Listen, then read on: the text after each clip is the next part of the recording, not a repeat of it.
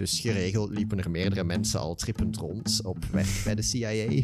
Maar dus hier dringen die virussen als een soort paard van Troje net die cellen binnen. Hey iedereen en welkom bij alweer een vierde aflevering van onze podcast Pioniers van de Wetenschap. We duiken vandaag alweer de wetenschapsgeschiedenis in op zoek naar fascinerende verhalen achter ontdekkingen die tot de verbeelding spreken en de wetenschappers en mensen achter die ontdekkingen. En zoals elke keer doe ik dat met heel veel plezier met Lucas. Welkom terug, Lucas. Hey, hallo Pieter. Ik ben ook blij om er weer bij te kunnen zijn. Ja, Lucas, ik denk dat jij deze keer de spits wilt afbijten. Ja, dat is goed. Um, want ik zou het vandaag graag hebben over een op het eerste zicht misschien iets minder medisch thema, namelijk het stofje lysergeenzuurdiethylamide. Uh, wat jullie waarschijnlijk iets beter bekend staat onder de afkorting LSD. Ehm, maar voordat het als echt ja, recreatieve drug gebruikt werd, was het wel bedoeld als middel om te gebruiken, uh, vooral in de psychiatrie uiteindelijk. Nu, er zijn ook drugs die een hele lange geschiedenis hebben, zoals opium en cannabis, maar LSD is eigenlijk echt wel een veel recentere uitvinding. Uh, het was de Zwitser Albert Hofmann die in 1929, dus nog geen 100 jaar geleden, ging werken voor het bedrijf Sandoz, um, die nu voor sommigen misschien nog bekend is onder de nieuwe naam Novartis. En hij werkte daar om eigenlijk stoffen te vinden in planten en fungi die een medische werking zouden kunnen hebben. En één zulke schimmel was claviceps, uh, wat in het Engels ook bekend staat als ergot, uh, die onder andere als soort ziekte op gerst groeit. Dus eigenlijk een, een, een pest in de agricultuur. Uh, en in die fungus zitten allerlei afgeleide stoffen van lysergeenzuur. Dus een bepaalde chemische stof. Um, en daar zitten dan veel verschillende vormen van in. Uh, en in 1938 produceerde Hofman eigenlijk zelf zo een afgeleide vorm. Namelijk die lysergeenzuurdiethylamide of LSD. Uh, zijn volledige naam maakt misschien direct ook wel duidelijk waarom het vaak ook acid wordt genoemd, Engels voor zuur. Um, nu, het doel daarbij was eigenlijk om een middel te vinden dat het centraal zenuwstelsel zou kunnen stimuleren. Maar eerste resultaten daarbij waren negatief, dus zette Hofman het eigenlijk zijn werk aan de kant. Was er dan nood aan, aan zo'n behandeling van mentale aandoeningen? Of, want ik denk dat in die vroege jaren van de 20e eeuw dat men vat kreeg op de complexiteit en de verscheidenheid van psychiatrische aandoeningen. Uh, ja, eigenlijk grappig genoeg, dat is misschien wel waar het uiteindelijk voor gebruikt werd, maar initieel uh, ging het over ja, het um, centraal zenuwstelsel inderdaad wel stimuleren, maar in de context van ademhaling en bloedsomloop. Dus om die eigenlijk wat te stimuleren, wat dat verschillende doelen kan hebben. Bijvoorbeeld voor astmapatiënten kan dat nuttig zijn. Dus waar hij naar op zoek was, was iets voor ademhaling en bloedsomloop. En het zou pas later in de psychiatrie zijn intrede ah, krijgen. Hm. Dus um, pas vijf jaar later eigenlijk um, besloot Hofman om nog eens een kijkje te gaan nemen uh, naar die stof die hij had aangemaakt. Dus hij maakte ze er wat opnieuw aan. En hij heeft daarbij ook per ongeluk blijkbaar een klein beetje ervan ingenomen. Dus laboveiligheid toen was toch iets minder in de mode dan nu, denk ik. Uh, en hij beschrijft de ervaring als volgt. Ik werd getroffen door een soort opmerkelijke rusteloosheid, gecombineerd met een lichte duizeligheid.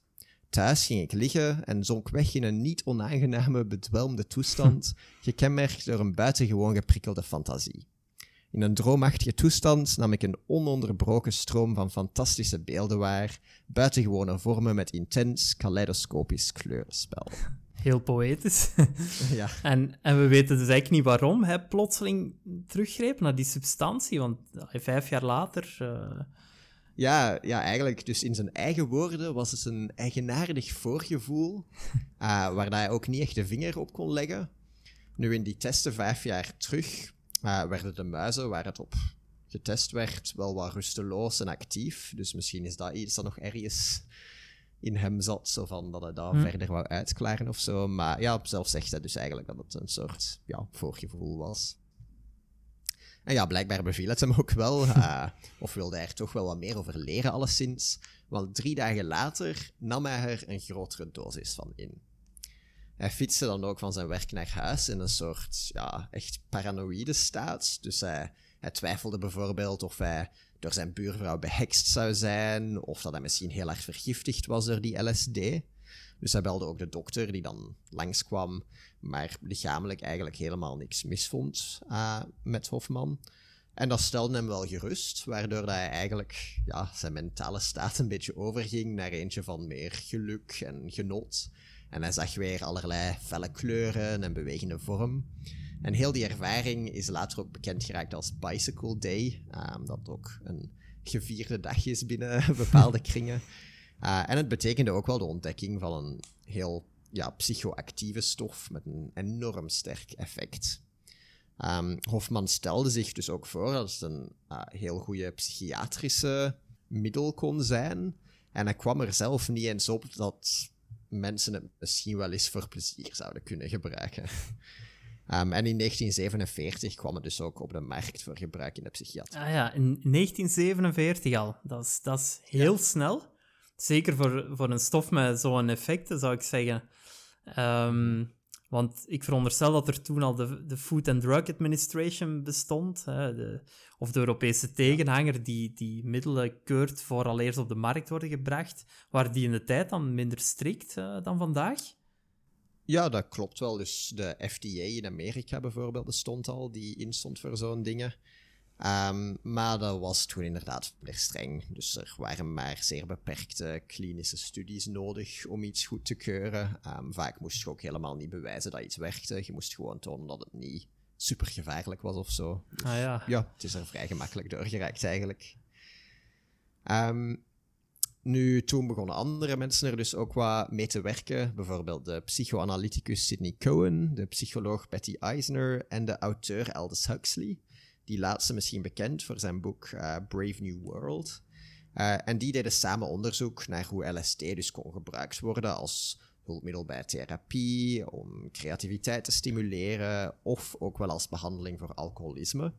En vooral voor dat laatste was er een dokter, Humphrey Osmond, die er ook heel veel onderzoek naar deed. En volgens hem, of in zijn studies, vond hij dat het zowat 50% effectief was in het oplossen van alcoholisme. Ja.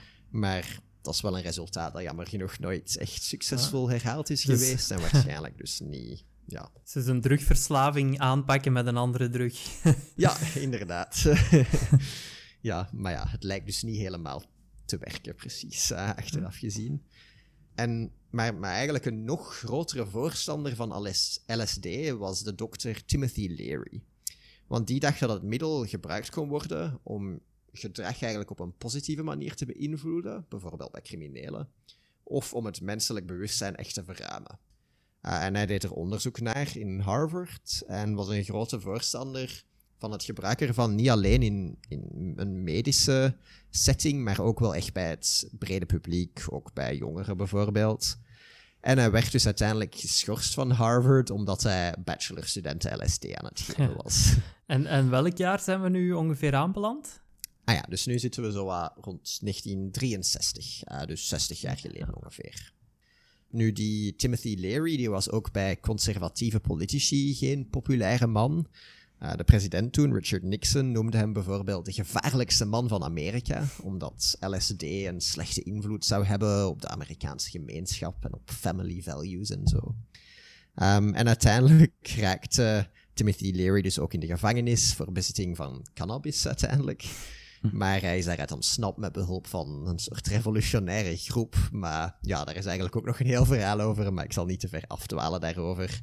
Het punt is vooral dat Leary echt een grote invloed had op het gebruik van LSD als vrije tijdsbesteding, echt in plaats van als medicijn.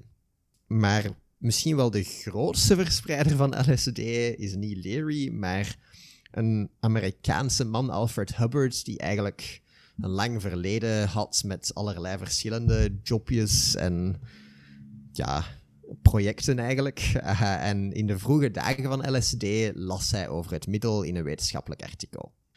Hij was geïnteresseerd en nam zelf dus LSD in. En hij moet echt wel een heel indrukwekkende trip hebben meegemaakt.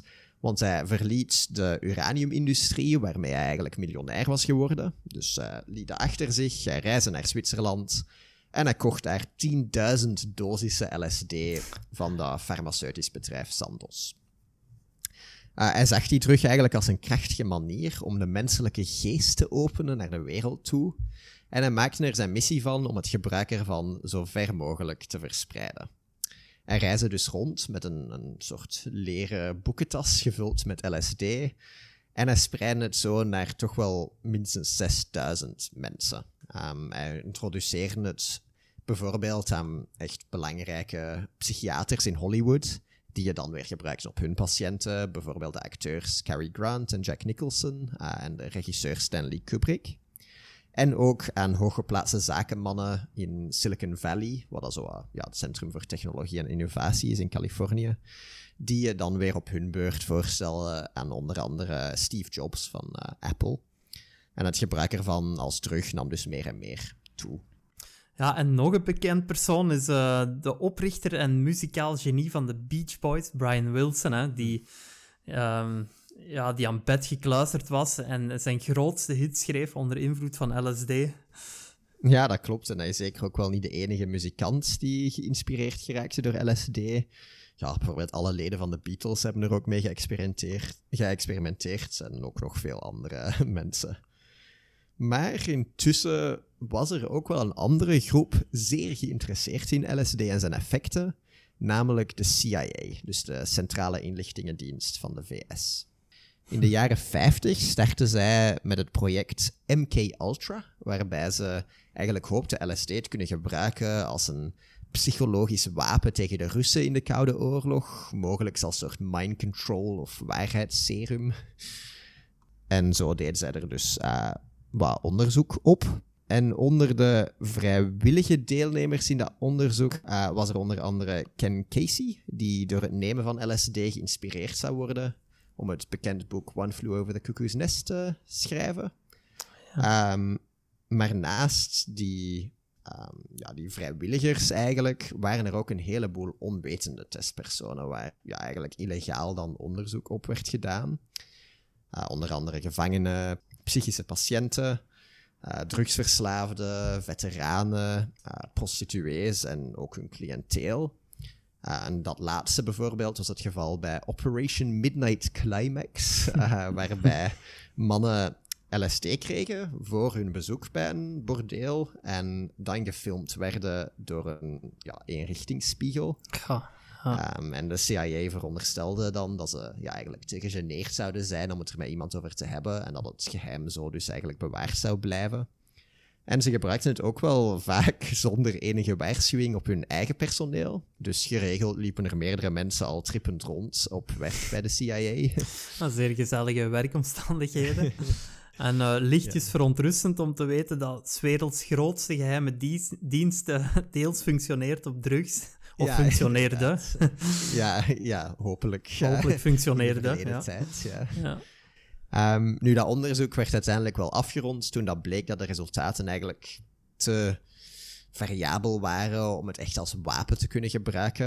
Um, en het werd in de jaren 70 wel nog gevolgd door een heel aantal rechtszaken. Ja, door al die illegale dingen die gebeurd waren. Maar die rechtszaken werden dan weer bemoeilijkt door het feit dat het hoofd van de CIA eigenlijk een heleboel documenten al hadden laten vernietigen. Ongelooflijk. En je hebt al een heleboel testpersonen, uh, uh, vrijwillig of onvrijwillig, over de vloer uh, zien laten komen. Zijn er ook testen op dieren gebeurd? Of? Ja, dat is eigenlijk wel een goed punt, want vaak hebben we het meer over testen op dieren. Ja. En er zijn natuurlijk ook wel een aantal testen mee gedaan op zo muizen en van die standaard labodieren.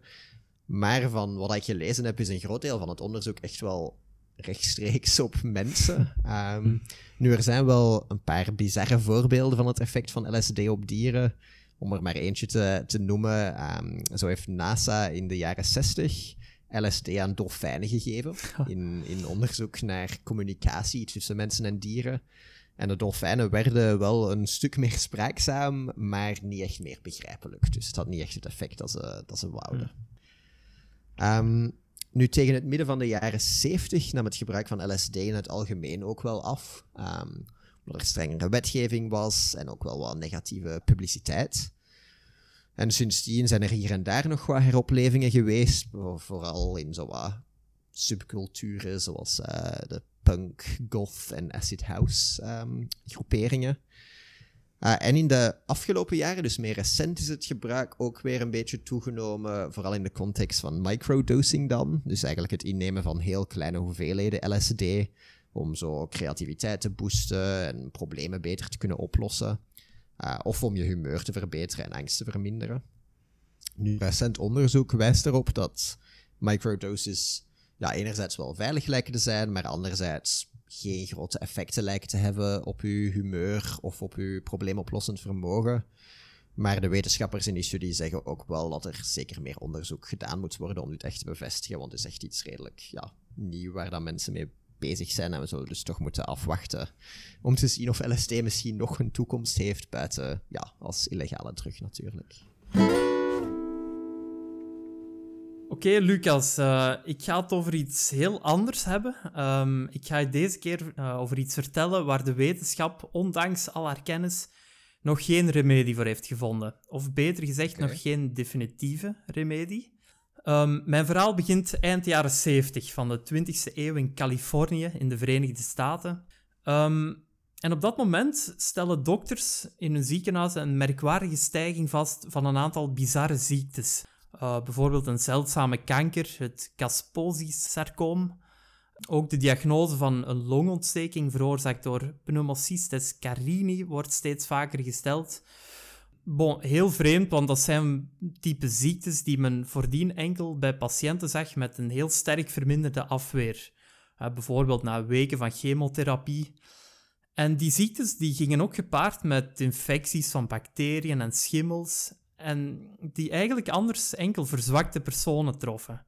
Dus het zag er eigenlijk uit alsof dat die mensen gewoon veel gevoeliger werden voor echt allerlei ziektes dan? Ja, inderdaad. Ze leden aan een soort van immunodeficiëntie, zal ik maar zeggen. Dat wil zeggen dat ze eigenlijk onvoldoende afweer hadden of een onvoldoend sterk immuunsysteem om die bacteriën en, en die virussen te lijf te gaan. Ja. En ja, men, men weet niet wat de onderliggende oorzaak is. En vanaf 1981 spreekt men daarom van een nieuw soort syndroom, het Acquired Immunodeficiency Syndrome, um, waarbij de acquired dus duidt op het feit dat, dat er ja, het verlies van die immuniteit verkregen is en dat de patiënt in kwestie daar eigenlijk niet mee geboren is. En uh, daar ga ik het dus over hebben vandaag, over de geschiedenis van AIDS, uh, een van de meest tragische en toch nog steeds hevig woekerende pandemieën. Ik ben benieuwd om erover te horen. Goed, dus die, die bizarre eh, vaststellingen worden gedaan, hè, eind jaren 70, begin jaren 80. En men realiseert zich snel dat er een gemeenschappelijke oorzaak moet zijn voor die, die, ja, dat verlies van die afweer bij die, die mensen. Hè, en dan zoveel mensen tegelijk die getroffen worden. En het is eigenlijk het populaire Duitse blad Der Spiegel, die in 81 als een van de eerste publiceren over die mysterieuze ziekte AIDS. En ze schrijven iets heel merkwaardigs.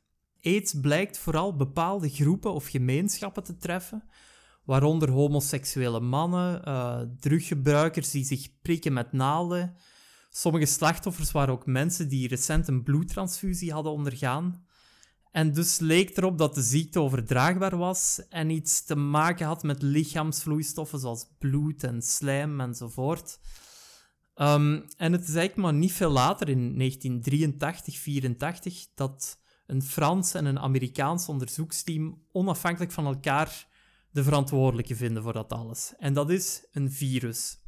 Een virus is een minuscule vijand van enkele nanometers groot. Dus dat is duizend keer kleiner dan een bacterie. En die kunnen we al niet met het blote oog zien. Dus enorm klein. Maar toch eentje die verantwoordelijk zal worden voor meer dan 40 miljoen doden tot op heden.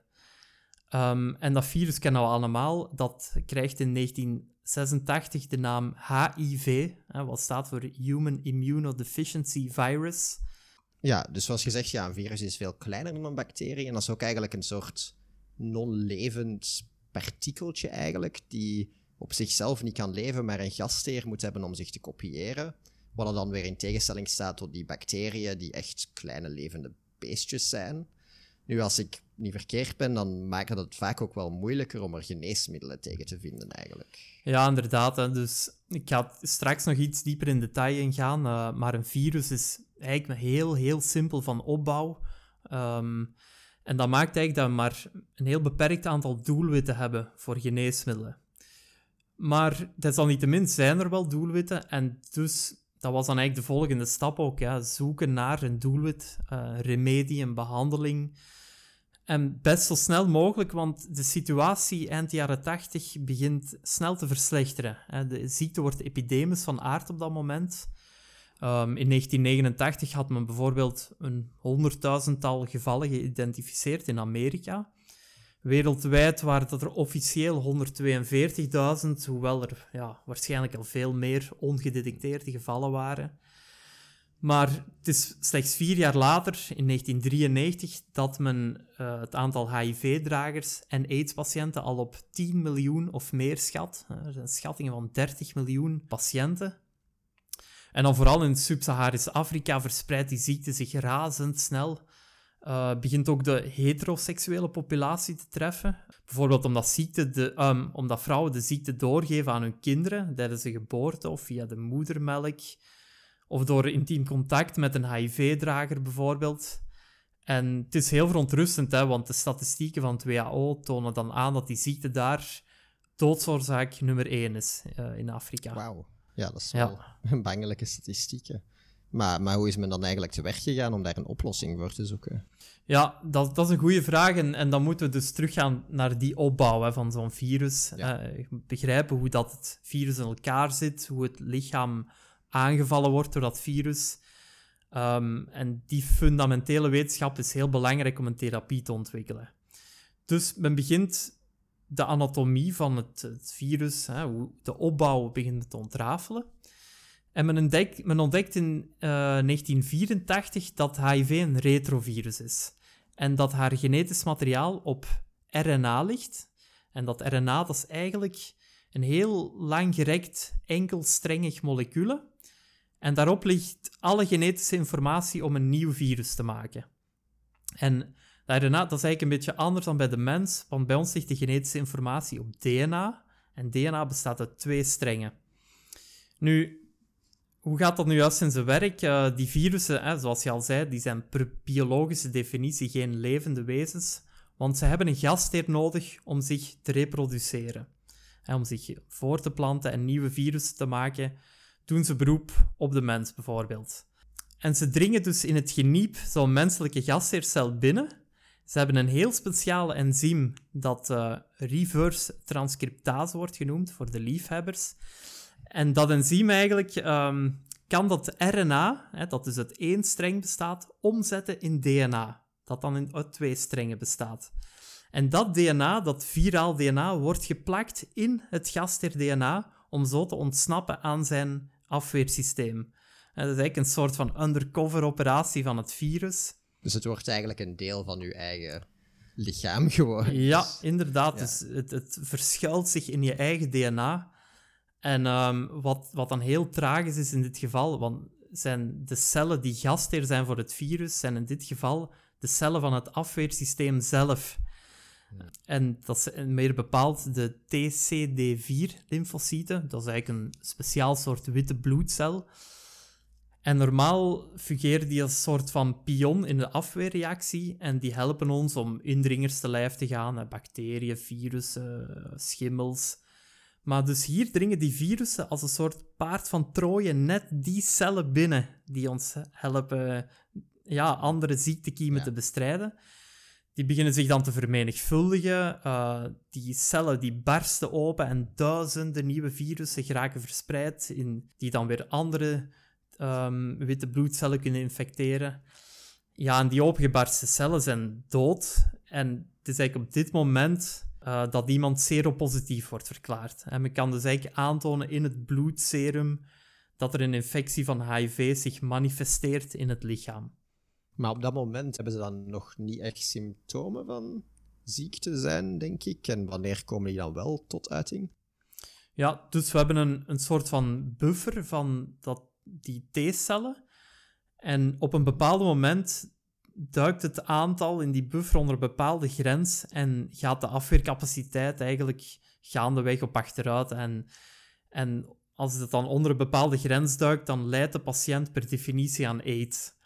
En hij of zij wordt dan vatbaar voor ja, heel wat bacteriën, schimmels, eh, al die ziektekiemen die dat verzwakte immuunsysteem, ja, die kunnen dan niet meer de baas. En dat verklaart dan ook al die ziektes die men, men ontdekte, en die Amerikaanse ziekenhuizen, die men voorheen eigenlijk bijna nooit zag. Ja, en dat, dat het gevolg daarvan was dat de levensverwachting na zo'n infectie ja, was twee à drie jaar ja, in de jaren tachtig. Want er was geen enkele behandeling. Dus het was eigenlijk echt een doodsvonnis voor die patiënten. En het duurde dan tot 1986, toen men eindelijk zei: Ah, we hebben het eerste geneesmiddel, eh, AZT, AZT, uh, wat staat voor azidotimidine. En men dacht dat dat het RNA zou verhinderen om zich in het gaster-DNA te, um, te incorporeren. Hè? Dus dat die eerste stap van dat virus, dat dat zal tegengaan. En misschien hebben jullie de film uh, Dallas Buyers Club met Matthew McConaughey gezien. Die draait ook om de ontwikkeling van dat eerste medicijn, eh, AZT. En dat hielp wel een beetje de sterftecijfers naar beneden, maar veroorzaakt ook heel veel nevenwerkingen. Um, dus niet, ja, het was wel effectief, maar klinisch was het moeilijk toepasbaar. En het duurt dan toch nog tot 1995, hè, dat is nog negen jaar later, wanneer de eerste betere en effectieve behandelingen op de markt komen. En die dragen de afkorting HAART of H-A-A-R-T. Ehm, en die beginnen die patiënten echt wel goed te beschermen. Die verhogen de levensverwachting significant. En het is eigenlijk een soort van combinatie van geneesmiddelen die inwerken op al die stappen van het virus um, dat zich wilt uh, reproduceren. Dus het binnendringen van, de virus, van het virus uh, in de cellen wordt tegengegaan. Um, men inhibeert dat heel belangrijke enzymen waarover ik het had, hè, dat dat zijn werk niet kan doen. Ja. En men probeert dus de integratie ook van het RNA in DNA en, en te voorkomen, hè, zodat het virus dus eigenlijk ja, helemaal geblokkeerd geraakt in zijn proces om zich te reproduceren. ja, want dat zijn allemaal zaken die uniek zijn aan het virus en die wij als mens zelf niet echt gebruiken. Al ja. Die dingen. ja, inderdaad. Ja. Het gaat dus eigenlijk om, om die paar eiwitten, enzymen of andere componenten die enkel bij dat virus voorkomen. Um, en dat zijn die doelwitten waarover ik het had. Hè. Er zijn er maar een paar, maar ze hebben die gevonden. Maar dat wil natuurlijk niet zeggen dat er geen nevenwerkingen kunnen optreden, optreden bij zo'n geneesmiddel. Maar tenminste, de aanval op dat virus is heel effectief en heel doelgericht. Ja. Um, nu, desondanks al die geneesmiddelen is er voorlopig nog altijd geen definitieve behandeling. Er is ook geen vaccin. En ja, de vraag die zich stelt, waarom is dat niet zo eenvoudig hè, als bij andere virussen of bacteriën waar, waar vaccins voor bestaan? Of... En dat komt eigenlijk omdat er heel veel subvormen bestaan van HIV. Het is een virus dat heel snel muteert. En dus zelfs als we een vaccin zouden ontwikkelen, dan ontsnapt dat virus eigenlijk aan dat vaccin, aan de werking ervan, door zich heel snel aan te passen. En zoals gezegd ook, dat kan zich, het sluwe virus kan zich verschuilen in het gaster-DNA en zo aan alle detectie van het immuunsysteem ontsnappen. Um, je zou dan de vraag kunnen stellen of die mRNA-vaccins bijvoorbeeld zouden kunnen helpen, hè, die ons ook van COVID-19 hebben afgeholpen. Maar die zijn eigenlijk te gelimiteerd om die hele brede wire van virussen aan te kunnen, in het geval van HIV. Ja, er, zijn dus, er zijn dus heel veel verschillende subtypes, ook waarschijnlijk door het feit dat het zo snel muteert. Maar hoe komt het dat HIV zo snel verandert eigenlijk tegenover andere virussen? Ja, wel, dat is een goede vraag. Um, zelfs, men denkt zelfs dat het misschien zelfs het snelst muterende virus is, dat dat op heden bekend is. Gaat, zonder te diep in detail te treden, komt het eigenlijk neer op een beetje een combinatie van factoren. Misschien het belangrijkste is dat dat speciale enzym waarover ik het had, het retrotranscriptase, als dat het RNA kopieert om DNA te maken, maakt dat heel veel mhm. foutjes. En uh, die foutjes zorgen ervoor, bij de aanmaak van een nieuw virus, dat dat virus er weer ietsje anders uitzien, uitziet dan, dan het moedervirus, zal ik zeggen. En omdat de generatietijd heel kort is voor die virussen, ja, geraken die fouten enorm snel verspreid. En dus leidt dat tot heel veel verschillende subvormen tussen gastheren. Maar zelfs in een gastheer zelf vind je types, ja, subtypes van hetzelfde virus terug. Ja. Ja. En dat dan in combinatie met het verschuilen in het gaster-DNA maakt het virus eigenlijk een heel vernuftige ontwijker van ons immuunsysteem. Ehm, en dat maakt dus dat er dus nog altijd geen definitieve behandeling is. Maar desondanks zijn er toch een handvol, of bijna een handvol HIV-vrije mensen. het zijn er officieel nog maar drie. Ehm, en de eerste was de Amerikaanse Timothy Ray Brown in 2008 als eerste HIV-vrij verklaard. Ehm, hij is ook bekend als de Berlin patient, omdat hij in Berlijn behandeld is geweest. En zo zijn er ook nog de London patient en de Düsseldorf patient. Ehm, en ze waren tussen haakjes de gelukkigen die een soort van revolutionaire stamcelbehandeling hebben gekregen dankzij een, match met een donor. Maar zij voldeden ook aan een aantal andere criteria, ehm, want ze moesten tegelijkertijd ook aan een specifieke kanker lijden die zo'n behandeling toeliet. Ze hadden ook een virusvariant die drager was van een mutatie, waardoor die behandeling kon werken.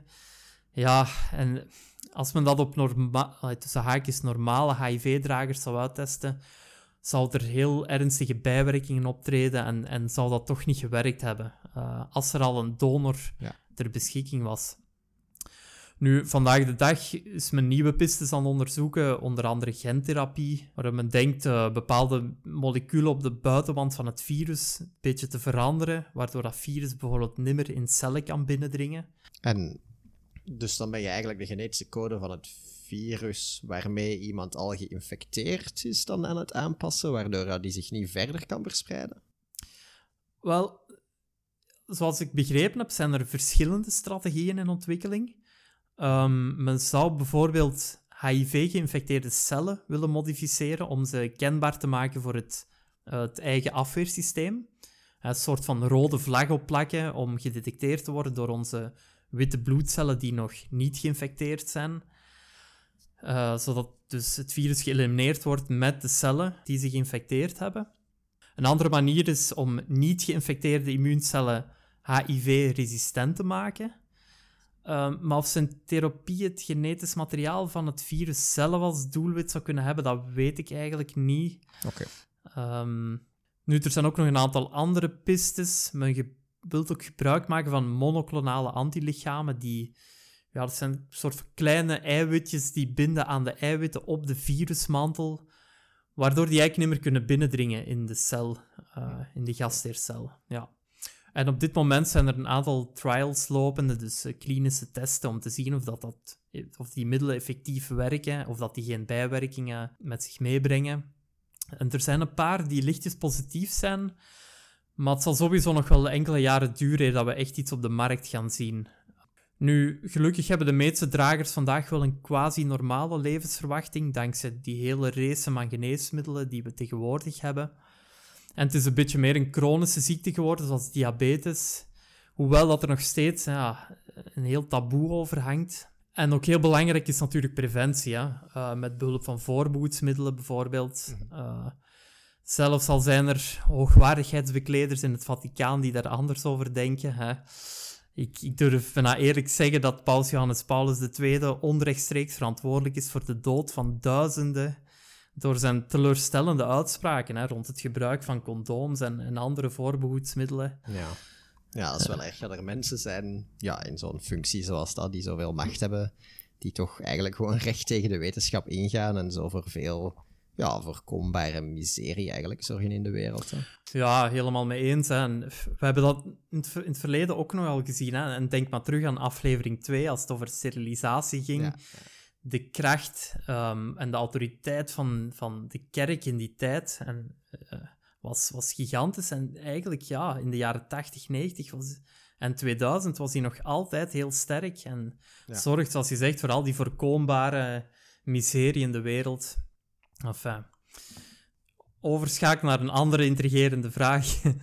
Ehm, Waar komt dat virus nu eigenlijk vandaan? Hè? Ah ja, goede vraag. Ehm, ja, want men probeert, eh, we hebben dat ook gezien bij COVID-19, men probeert altijd terug te gaan naar de oorsprong van zo'n virus. Hè. Men gaat op zoek naar patient zero, hè, de eerste patiënt die het virus heeft opgelopen, door terug te gaan in de tijd aan de hand van concrete informatie. Ehm, voor HIV is dat niet heel duidelijk, maar er zijn een aantal pistes. Ehm, bijvoorbeeld in 1989 ontdekt men het Simian Immunodeficiency Virus, of VIS, bij chimpansees in West-Afrika. En dat virus, er blijkt, ah, het blijkt dat gedetailleerd onderzoek, dat dat op een gegeven moment is overgedragen van chimpansee op mens via bloed. Heel waarschijnlijk na jacht op uh, chimpansees door de mens. En dat dat zelfs is gebeurd meerdere decaden voordat die, dat virus de hele wereld is beginnen rondtrekken. En dat is eigenlijk iets heel bekends. Zo'n overdracht van een ziektekiem van dier op mens noemt men een zoonose. En dat treedt vaak op. Uh, andere voorbeelden zijn bijvoorbeeld de ziekte van Lyme. Um, heel waarschijnlijk ook COVID-19, hoe dat daar... Ja, er is nog altijd twijfel over. Ja. En zo heeft men ook stalen van inwoners in het destijdse Belgische Congo van 1959, 1960, die ook al doen vermoeden dat er heel wat mensen waren die aan aids leden en dat het virus waarschijnlijk al rond de jaren 20 ergens de ronde deed bij de inheemse bevolking in die ah tijd. Echt wel veel vroeger dan. Ja, en dus dat puur de, de, de kennis en diagnose in die tijd onvoldoende was. Er was ook een hoge sterfte door andere factoren en dat men dus eigenlijk niet opmerkte dat er een virus de ronde deed. En um, hetzelfde gebeurde in de vroege jaren tachtig in Oeganda bijvoorbeeld, waar dokters ook een heel merkwaardige ziekte al hadden opgemerkt. En ze noemden die uh, slim, uh, de Engelse term voor mager, omdat die patiënten die die ziekte met onbekende oorzaak hadden, die vermagerden extreem hard. En die vertoonden heel veel gelijkenissen met die eindstadia van AIDS. Dus men denkt dan ook, ja, in Afrika omwille van die burgeroorlogen, de, het hergebruik van geïnfecteerde naalden tijdens slecht georganiseerde sanitaire programma's, prostitutie in, in heel veel dorpjes, dat dat virus heel snel de ronde begon te doen. En uiteindelijk is overgewaaid naar de rest van de wereld. Hè. Ja, want als we dan even naar ja, de huidige dag kijken in, in mijn hoofd, maar ja, ik weet er niet zoveel van, maar is AIDS hier in het Westen precies niet zo'n grote epidemie meer als in de jaren 80 of 90 bijvoorbeeld. Maar wereldwijd gezien is het wel nog een groot probleem dan eigenlijk. Ja, wel, de epidemie heeft in, in de westerse samenleving heel wat aan kracht verloren. Ehm, maar er zijn toch nog wel heel wat patiënten in Europa. En dan, ah ja, zeker in, in Oost-Europa, zijn er toch nog een heel aantal landen waar veel nieuwe gevallen zijn. Um, als we de data van, van het WHO bekijken, die spreken over 107.000 nieuwe gevallen in heel Europa.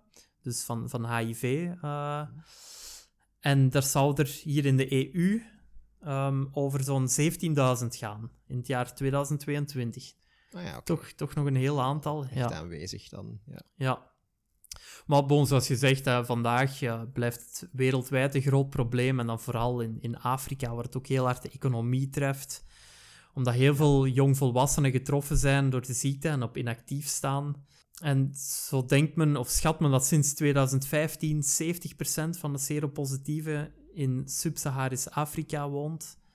En dat er andere statistieken van 2020 tonen aan dat er zo'n 300 kinderen per dag sterven aan de gevolgen van AIDS in die regio. Ja, het is nog altijd een, een, een heel groot sanitair probleem.